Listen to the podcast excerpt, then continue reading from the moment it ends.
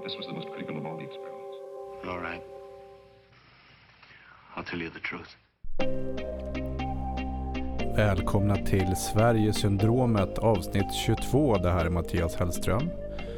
Och idag ska vi prata om eh, upphandlingar. Så, jag frångick ju mig själv de förra två avsnitten genom att prata om, om eh, hat och hyresrätter, vilket faktiskt inte har att göra med, eh, kronologiskt har att göra med det som jag eh, gjorde ute i landet.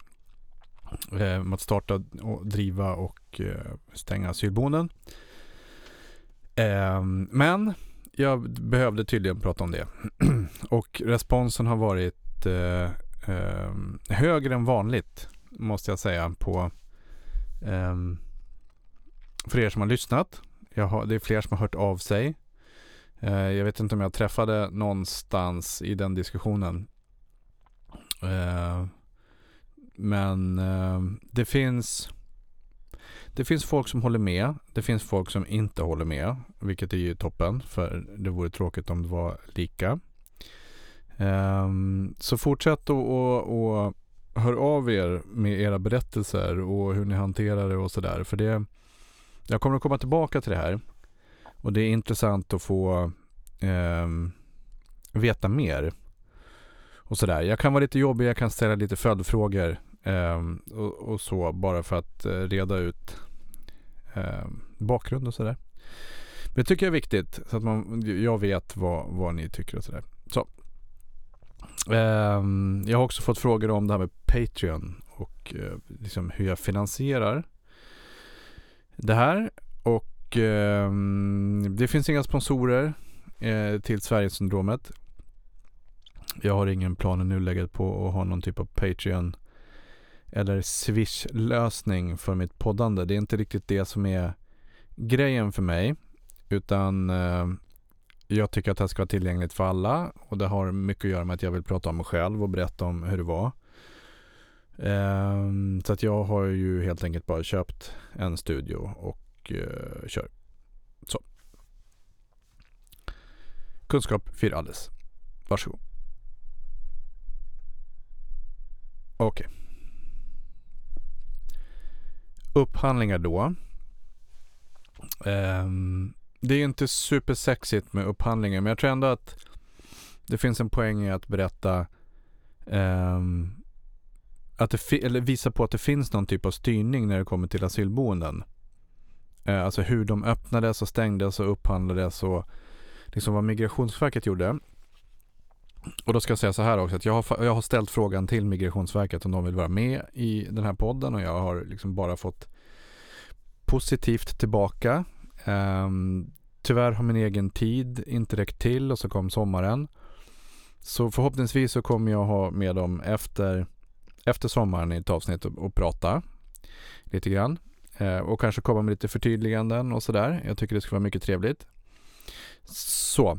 Ehm, för att förstå upphandlingarna så måste vi först bena ut de olika boendeformerna.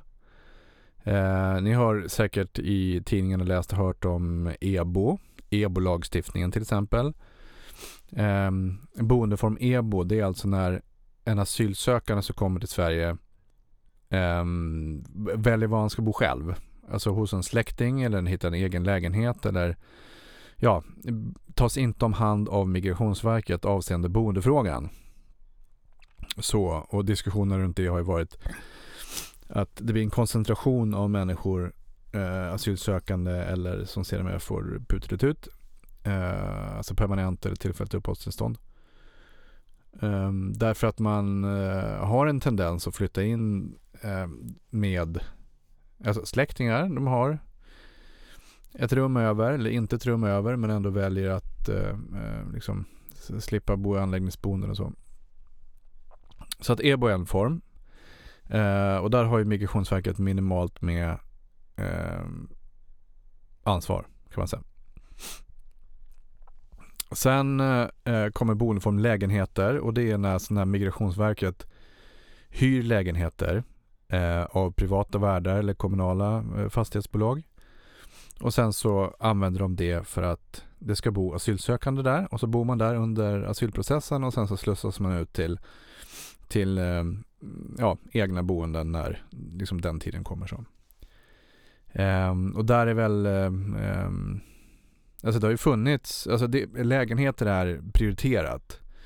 EBO in, not that much, men lägenheter kan man säga ändå är prioriterat av Migrationsverket för att det liknar så mycket som möjligt eh, en hemmamiljö.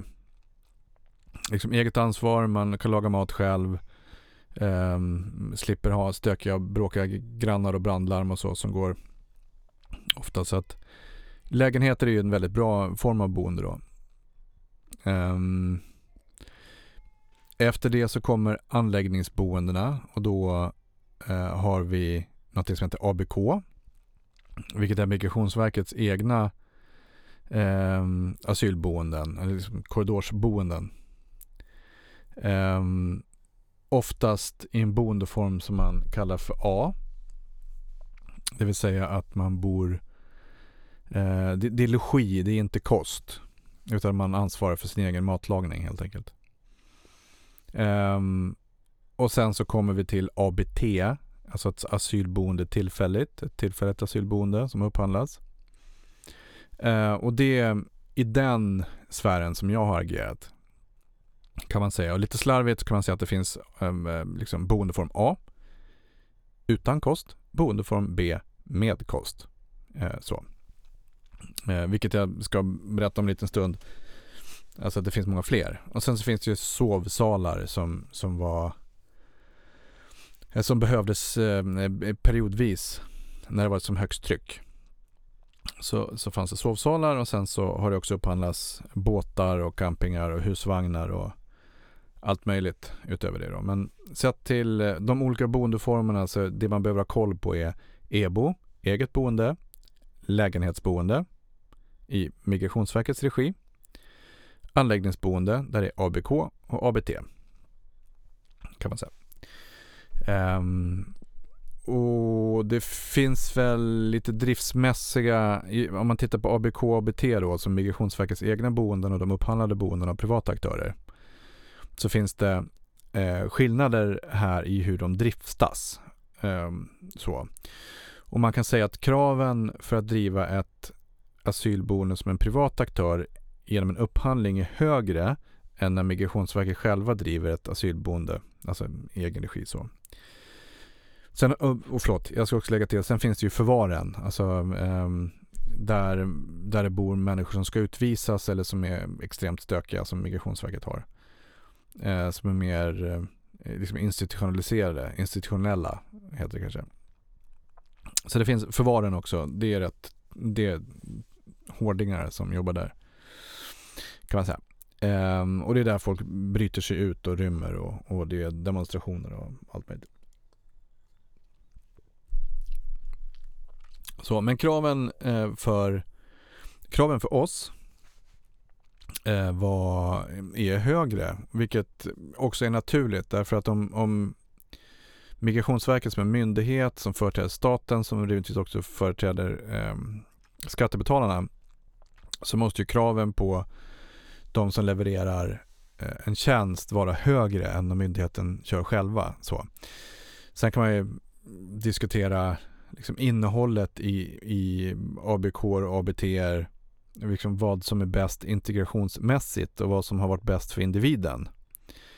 Ehm, så. Och liksom, som till exempel att vi har en mycket, mycket högre personaltäthet på eh, en, ett av våra asylboenden, alltså till ABT. Eh, kraven på Eh, personal är högre till exempel. Medan mycket mer ansvar läggs på säkerhetsvakter liksom på, på ABK-erna utanför kontorstider och så. Och det gör att det blir ABK-erna kan eh, upplevas hårdare till exempel. Så, men jag ska inte gå in på det exakt idag. Ehm, så. Upphandlingar då eh, görs ju efter LOU, alltså lagen om Eh, offentlig upphandling.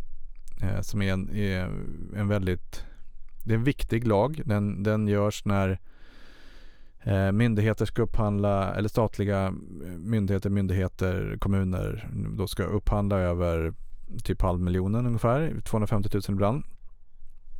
Eh, beror på.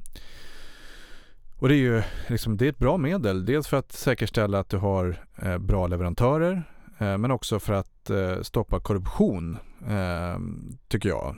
Du kan inte lämna ett avtal till vem som helst därför att det finns regler om hur att man måste effektivisera ekonomin. Det vill säga att om du ska Annars kunde, man ju, kunde ju Migrationsverket sagt till vem som helst att men, min fråga kan öppna ett asylboende och så kostar det si så mycket och så kan de köra direkt.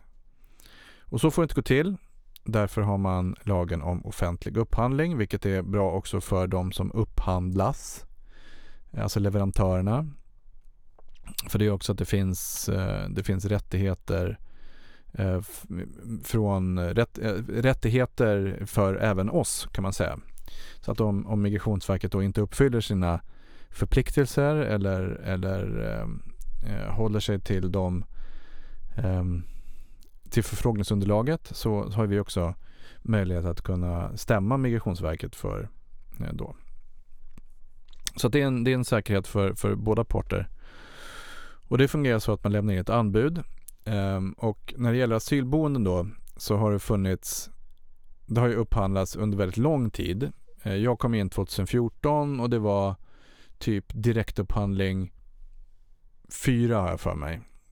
Vi missade trean och så kom jag in på fyran. Eh, och egentligen kan man backa till den ramavtalsupphandling som heter ramavtal, ram 2, ramavtalsupphandling 2.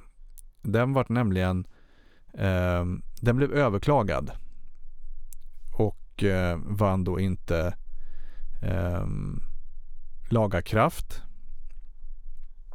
Eh, och det, det blir problematiskt för Migrationsverket då. Och det här är alltså någonstans i eh, januari 2013, början av 2013 där. Och då, eh, redan då så kom det eh, ganska många asylsökande, typ tusen i veckan. Eh, den perioden ska jag säga, alltså det här gick ju upp och ner. Jag pratade om det i ett tidigare avsnitt också. Men det fanns ungefär 7000 platser då. Eh, så, eller ett behov av 7000 platser varav 1200 upphandlades eh, slutet av 2012. Eh, men det vart överklagat eh, i det fallet då för att ehm, det var mycket svårare för hotell att bedriva asylboende än eh, campingplatser, vandrarhem till exempel. Så att om du hade ett hotell men du hade inte ett hotelltillstånd ehm, så, så kunde det bli problematiskt. Eller du, kunde, du, du fick inte tilldelning helt enkelt, du kunde inte få avrop. Eh, men campingplatser och vandrarhem är undantagna, eller var undantagna eh, i, i det fallet då. Så det var en, man följde väl kanske inte likabehandlingsprincipen där, så vart den överklagad och i och med att den är överklagad så kunde inte Migrationsverket använda den upphandlingen för att öppna asylboenden. Och det man gör då när en ramavtalsupphandling blir överklagad, det är att man använder direktupphandlingar som då har kortare avtalstider. En ramavtalsupphandling kanske har sex månader eller ett år eller tre år eller ännu längre. Medan en direktupphandling då kanske arbetar i tidsspann av tre månader eller ännu kortare. Um, så att det var problematiskt för Migrationsverket då att uh, um, ram 2 då blev överklagad. Och jag tror till och med att den inte blev uh, vann kraft förrän 2016 eller slutet av 2015. Eh, vi hade, eller Yukario hade ett, ett par anläggningar som, som upphandlades så tidigt. Eh, liksom Ekberg och Vemlandia och vi har en anläggning i Filipstad. Eh, två, eller en som var ram 2. Så de var i drift tidigt, eh, väldigt tidigt. Um, men i och med att då ramtvånget överklagats vart ett antal direktupphandlingar. Uh, så. Och de största var väl 3, 7, 9. Uh, sjuan och nian, uh, det var väldigt stora upphandlingar och sen så liksom direktupphandlingarna har kvaliteten att kunna fylla olika behov. Åttan var en interimupphandling eh, liksom mellan 7 och 9 och tian kommer jag inte ens ihåg vad som hände med. Tian och elvan var också några korta märkliga upphandlingar eller om det var stöd för att det var problem mellan upphandlingar. Och sen så hade vi 12 och 14 som var väldigt, väldigt sena upphandlingar när det var liksom kris. Eh, så. Om man vill vara med i en upphandling så tidigt som möjligt. Och det är det alltså för att när man stänger eh, anläggningar så stängs de baklänges. Man stänger alltså den som har sämst ranking i den senaste upphandlingen stängs först. Och sen så betas man ner. Så att om man hade, om man var en ram två och rankad nummer ett så stängde man sig alltså absolut sist. Ehm, jag kan komplicera här också därför att man bedömer olika regioner för sig och sådär. Men vi tar det senare i programmet. Okej. Okay. Um, så, så då ska man alltså lämna ett anbud på en ramavtalsupphandling eller direktupphandling. Och det som hände eh, i mars 2016 det var att de släppte ramavtal upphandling 3. Vilket är den upphandling som lever än idag. 2019. Um, ehm, den kommer leva ett år till. Nu, är det ing, nu, nu, finns det inga asylboenden öppna i, i ram 3 då, men det var den som skulle ta över all, den trumfar liksom alla andra direktupphandlingar och så även ramavtal, eh, ramavtalsupphandling 2. Och det här är också för att i och med att ram 2 då gick ut eh, så behövde man ju stänga för att den inte var giltig och därför behövde man också ram 3 och samma sak med direktupphandlingarna. De, de avtalsperioderna gick helt enkelt ut och man får inte förlänga direktupphandlingar hur länge som helst. Så. Eh, och för er som inte har somnat där ute men ändå tycker att det här är intressant så, så ska vi fortsätta. Det som hände för mig då, då eh, som arbetade med alla de här eh, som arbetade, dels jobbade med direktupphandlingarna tidigare då, men nu var det ett stort jobb för mig att, att jobba med ramavtalsupphandlingarna. Så att i praktiken så innebär att jag eh, sa hej då till fru och barn och sen så packade jag min väska och så åkte jag ner till headquarters i Skara, Lidköping där och så låste vi in oss mer eller mindre i ett rum i tre, tre och en halv vecka tror jag. Och så gjorde vi väl nästan 80 anbud skulle jag gissa då. Um, och då kan man ställa sig frågan, okej okay, ni gjorde 80 anbud men ni hade ju inte så många anläggningar och då säger jag, nej men det är korrekt. Och det hade också att göra med att vi gjorde mång, flera an, anbud per anläggning eh, av olika skäl. Då. Men skitsamma. Så att jag, jag satt alltså med anbud dygn runt i typ 3-4 veckor. Och det, det gör man i Tendsign som är en program eh, man går in på internet och så slår man in Tendsign och så kommer man till en upphandlingsportal där allting finns. Och där hittar man då ett förfrågningsunderlag och, och de här förfrågningsunderlagen är ju då kriterierna du ska uppfylla för att kunna starta ett, i det här fallet, asylboende eller om du upphandlar någonting annat, typ leverans av smågrus.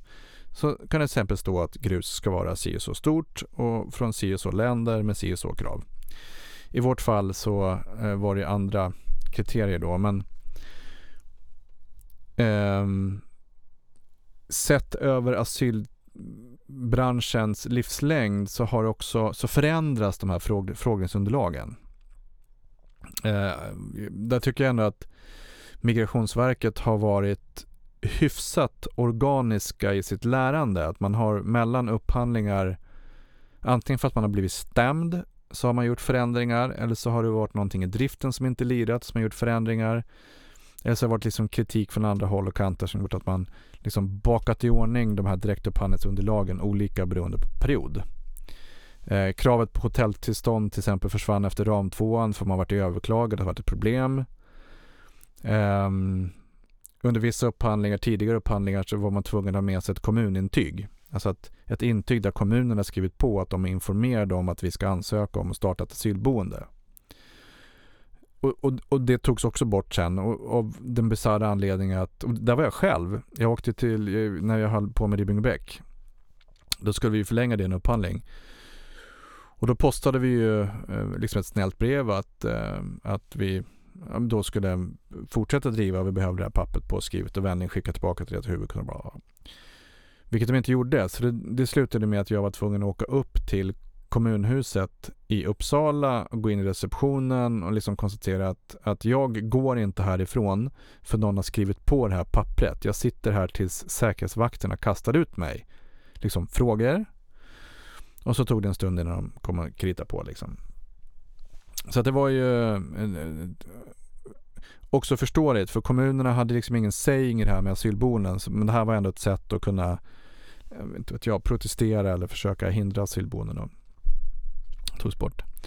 Sen var det andra saker, liksom krav på lekplats eller lekrum som vart, lekrum blev sedermera liksom en lekhörna och det har varit olika krav på aktivering eller på personaltäthet och liksom brandskyddet har också förändrats under, Ehm, alltså kraven på brandskydd har förändrats under eh, de här olika direktupphandlingarna. Alltså i i ram tvåan, där var det väl slarvigt sagt mer så att om det inte brann i huset när man flyttade in så var det okej. Okay. Medan i ram trean så var det väldigt höga brandkrav. Jag tror till och med att det toppade någonstans runt sjuan. Att det var liksom bisarra brandkrav. Eh, så. Eh, så det är en, ett organiskt lärande även för myndighet att utforma eh, förfrågningsunderlag och anbud för att det ska fungera i verkligheten. Ehm, sen var just det och sen också Eh, sen förändrades också det här med regioner och län som en eh, konsekvens av stämningarna då. Så var det förut så hade man liksom norr, syd, öst, mitt och Stockholm. Och då, om då eh, Ramtvåan vart ju liksom överklagad hela ramtvåan. Medan i en direktupphandling så kunde då en region bli överklagad. Man överklagade Eh, region syd men det påverkade inte region mitt till exempel. Därför att upphandlingarna var separerade från varandra. Och det gjorde att man kunde frigöra, om, om det inte var en stämning i en viss region så kunde man så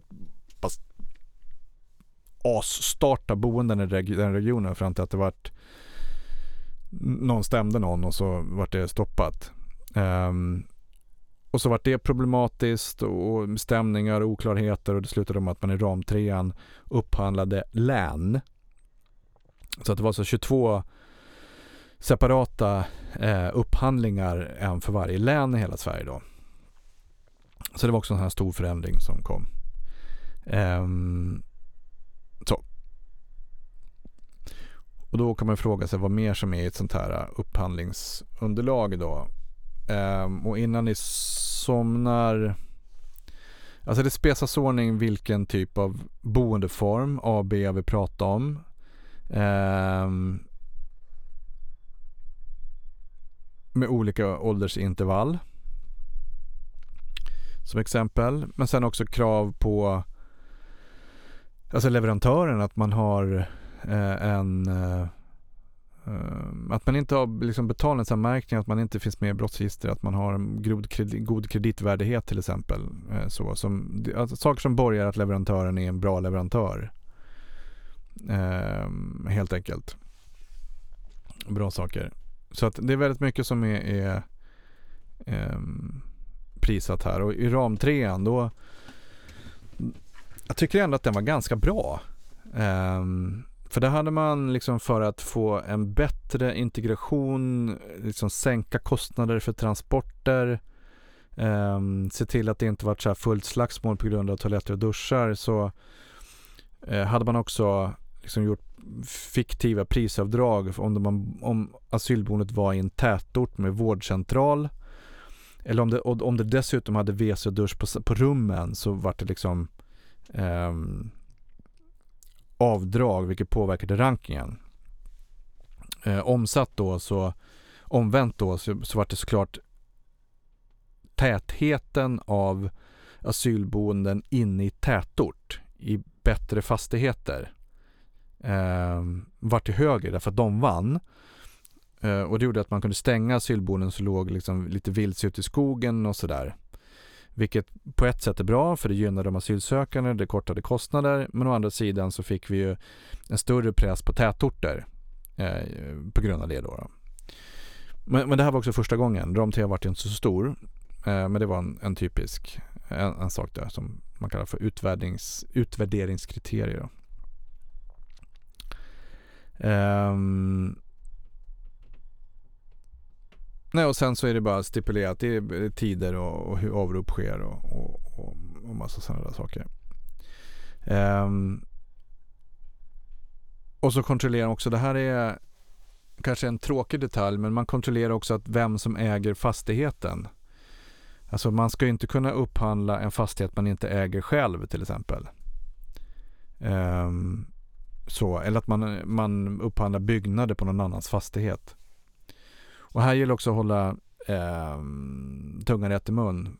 Som ni kanske vet så är ju en fastighet inte samma sak som en byggnad.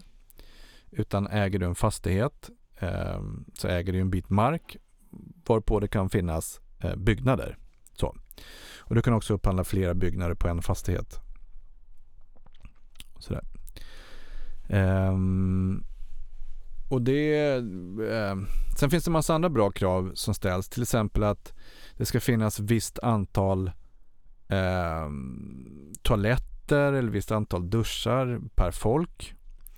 Eh, så att det måste finnas eh, liksom kanske en eh, beroende på upphandling då att det kanske, kanske finnas liksom en toalett per tio personer eller det sänktes till åtta. Det ska finnas en dusch på 15. Um, eh, det, det, kom till att det måste finnas en minimumkapacitet på minst 30 platser för att man inte skulle upphandla så här små pytte eh, alltså små pyttehus någonstans vilket också blir ineffektivt ehm, kostnadsmässigt. Visst antal, det ska finnas två tvättmaskiner på 50 boendeplatser som man ska kunna eh, liksom, tvätta och det ska inte vara längre än 200 meter att gå från boenderummen. Liksom det, det, är ganska detaljstyrt. Men även viktiga saker som avfallshantering, att det ska vara källsorteras och eh, liksom, det ska snöröjas så att inte folk halkar och bryter ihjäl sig ute på anläggningarna. Och gemensamma utrymmen och, och internet och sådär. Internet kan man tycka att om och då, det måste de verkligen ha internet ute då? Och då kan jag säga det att har man inte riktigt bra internet på en anläggning så blir det en riktigt dålig anläggning. Så. Um, och jag tror att vi har pratat om vad som ska finnas i ett asylboende här också tidigare. Men för er som är intresserade. 5 kvadratmeter per boenderum, eller per boende i ett rum så har du 20 kvadratmeter boyta, eh, sovyta så kan du ha fyra personer. Har du 10, 2, 15, 3 men har du 14 så blir det bara 2. 19 bara 3. Och sen så var det max fyra stycken per, per eh, boende då, rum. Om det inte var sovsal för det var sju. Um, det här, också, det här förändras också när man förtätar boenden. Då går man ner till, eh, till en lägre yta. Då. Men i upphandlingarna så är det alltid fem. Och så ska man ha en garderob som är, eh, man kan hänga kläder i och man ska kunna eh, stoppa undan saker och låsa om sig och sådär. Där förändras men ibland vid någon upphandling så behöver man ha så här låsbara skåp. Ah, alla var tvungna att köpa låsbara skåp och så investerar man hundratusentals kronor i så metallskåp med lås och sen i nästa upphandling så behövdes inte det. Och så satt man där med hundratusentals kronor i, i investeringar i stål, liksom, säkerhetsboxar som ingen, inte var ett krav sen. Och så tappade alla bort nycklarna och så var det bara dyrt. Eh, och sen ska det finnas eh, gardiner gardiner, man ska kunna mörklägga och, och det ska finnas en standardsäng. Vi hade nästan alltid våningssängar till exempel. Så det ska finnas madrasser som byts en gång om året och eh, sådär. Så jag tror att ni fattar eh, grejen. Jag tänker inte gå med in på det mer. Jag kommer lägga upp en länk på, eh, på Facebook-sidan facebook.com Sverigesyndromet där det här avsnittet sänds och där kommer ni också kunna få lite länkar till. Vi läser in er själva på vad som ingår i ett anbud. Tänk vad kul ni ska ha. Eh, så, nu har jag alltså pratat 29 minuter anbud. Jag har kommit eh, väldigt kort med en anteckning här. Så jag speedar på. Så, och sen så, så um, för att kunna upphandla, så anledningen till att det tar liksom fyra veckor att upphandla det här, det är att man måste få inte göra fel, det ska dubbelkontrolleras. Och så måste man ju få in liksom ritningar, bygglov, eh, liksom lagfarter. Eh, man ska in en färsk giltig OVK som är alltså en, ventilationstest kan man säga. Eh, ett dokument som säger att luftflödet i respektive rum är visst mycket för mm, det ska växlas visst många liter per eh, sekund så för att det ska bli 4 liter. En bra växling. Så växlar ett rum 16 liter så, så kan man få in fyra stycken då. Um, och det är inte alla som har det. Så att om man tror att det bara var öppnat asylboende eh, så tänk om där, för det var inte så lätt. Därför att okej, okay, alltså jag, jag har ju träffat oändligt antal fastighetsägare och jag har på riktigt ratat oändligt antal fastigheter och byggnader för att rätta mig själv. Fastigheten kanske var bra, men byggnaderna kassa. Därför att de då var liksom, okej, okay, ventilationen var för dålig eller brandskyddet behövde byggas om, det hade man inte gjort på den tiden. Eller det fanns en oklarhet i byggloven eller liksom massa andra saker. Eh, det, är många, det är en hel del fastighetsägare som man har, jag har varit ute hos. Och så sa man, ja men de kan bo här och så kan de äta i det här rummet. Och så är det typ en skrubb. Och så får de förklara att nej men det måste finnas ett riktigt kök och matsalen liksom, eh, du kan ha fyra sittningar i vilken du ska rotera alla boende när de äter, inte mer. Eh, liksom det är max, men de kan inte typ äta bara i ett rum här. Du har liksom ingen matsal så att tyvärr, det här kommer aldrig bli en anläggning. Eller så är det så här bara självdrag i huset och så säger man men du kommer aldrig kunna bevisa att det här huset växlar eh, så mycket luft utan du måste sätta in mekanisk ventilation och så måste du kunna mäta luftflöden för annars kommer du aldrig kunna få den, den här uppstartad. Eh, vilket också många gjorde och sen så investerar man mycket i, i eh, sina byggnader och så, eh, ja, så fick man ändå inget asylbonus, då hade man en massa kostnader. Tji fick de. Sådär. Okej, okay, så att då, då har vi eh, gjort de här förfrågningsunderlagen och vi skickat in alltihopa och, och liksom det är här man förhandlar med massa fastighetsägare och håller på och grejer. Eh, och det här innebär också att asylbonusen faktiskt var i drift antingen var godkända eller inte var godkända i och med att ram 3 hade andra kriterier än tidigare upphandlingar. Och framförallt för brandskyddet då. Och just brandskyddet kommer jag ha en helt egen sittning om eh, och försöka bena ut och berätta vad brandskydd är. Eh, och hur det funkar. Så.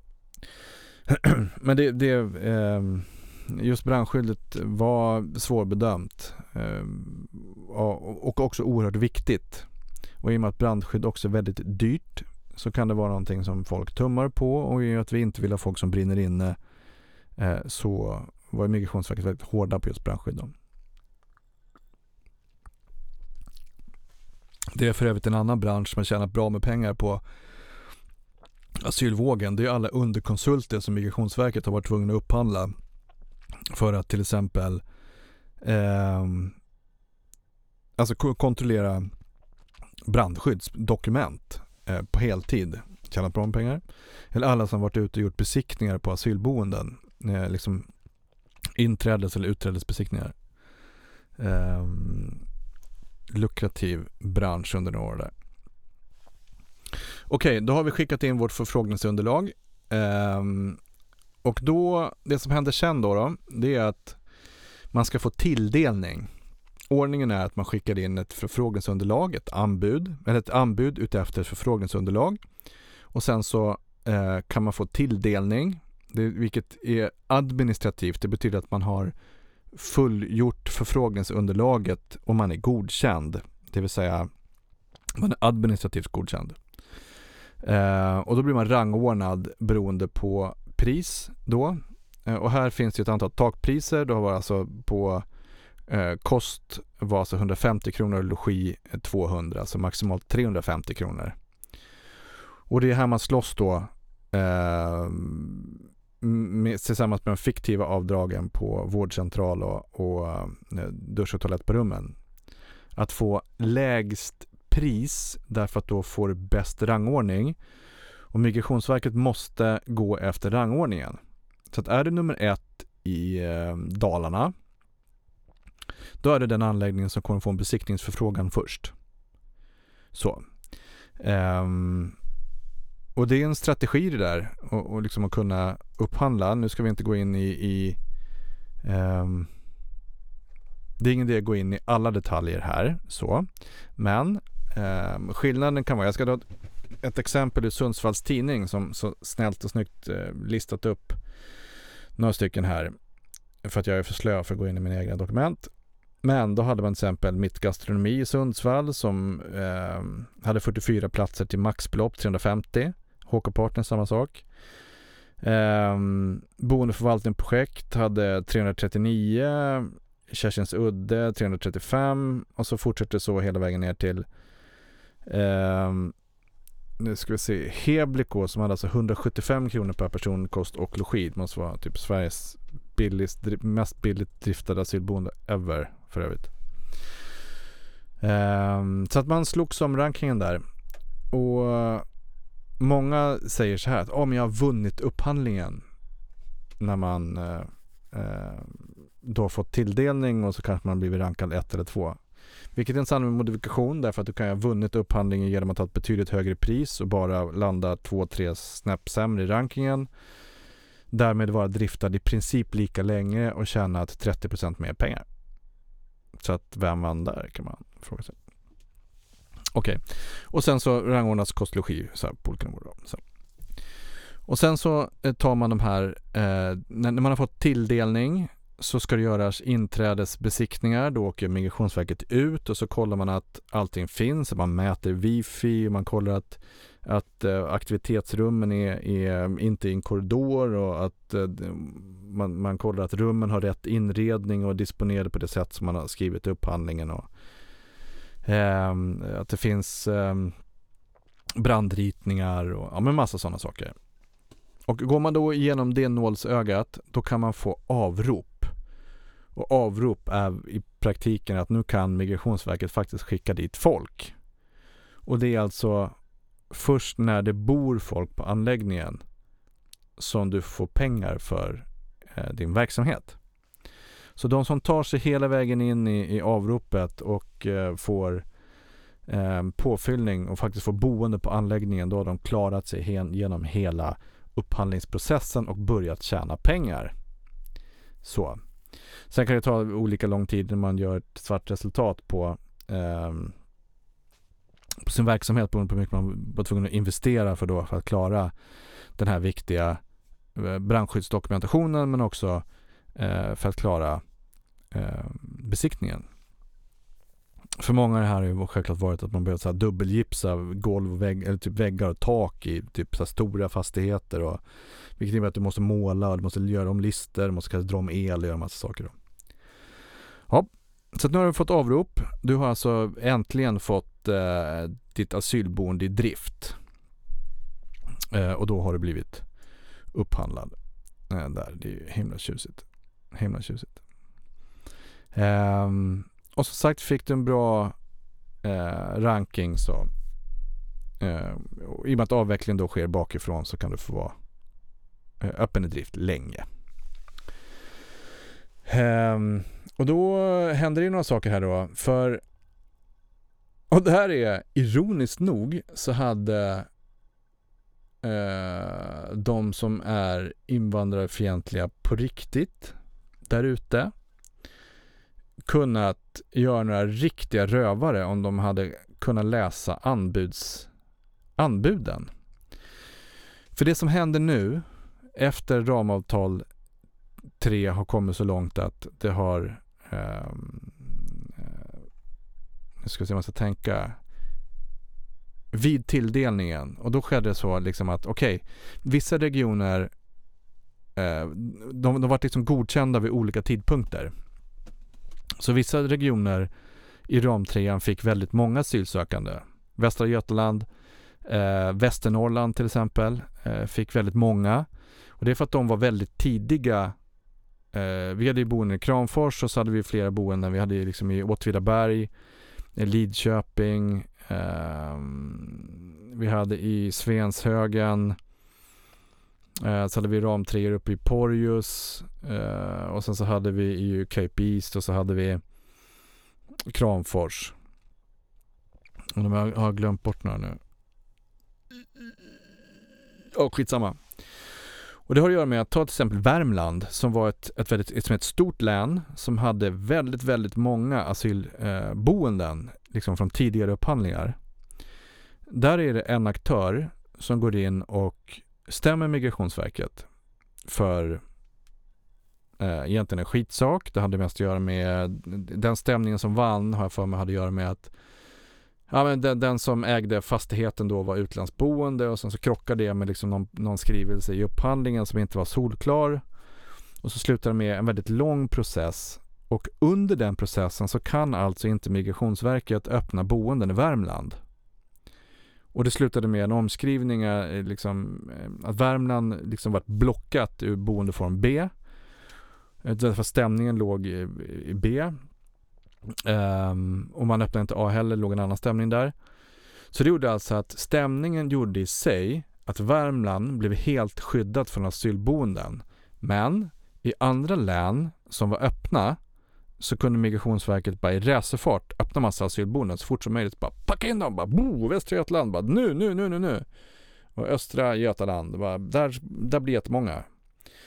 Så att stämningarna gjorde, de här stämningarna mellan länen gjorde att förflyttningen av asylsökande och asylboenden blev på ett visst sätt.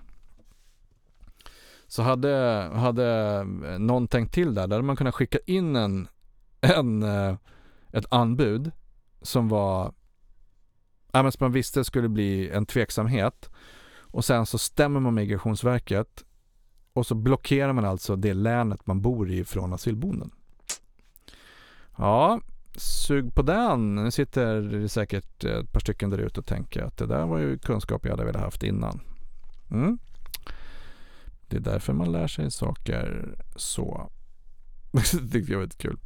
Eh, men det gjorde att det var i vilket fall många regioner som blev eh, där det inte vart några asylboenden sen då för att eh, i Stockholm till exempel, inga ramtreor. Gotland um, Eh, blev det ingen ram 3, eller vart en ram 3, vi hade ingen där.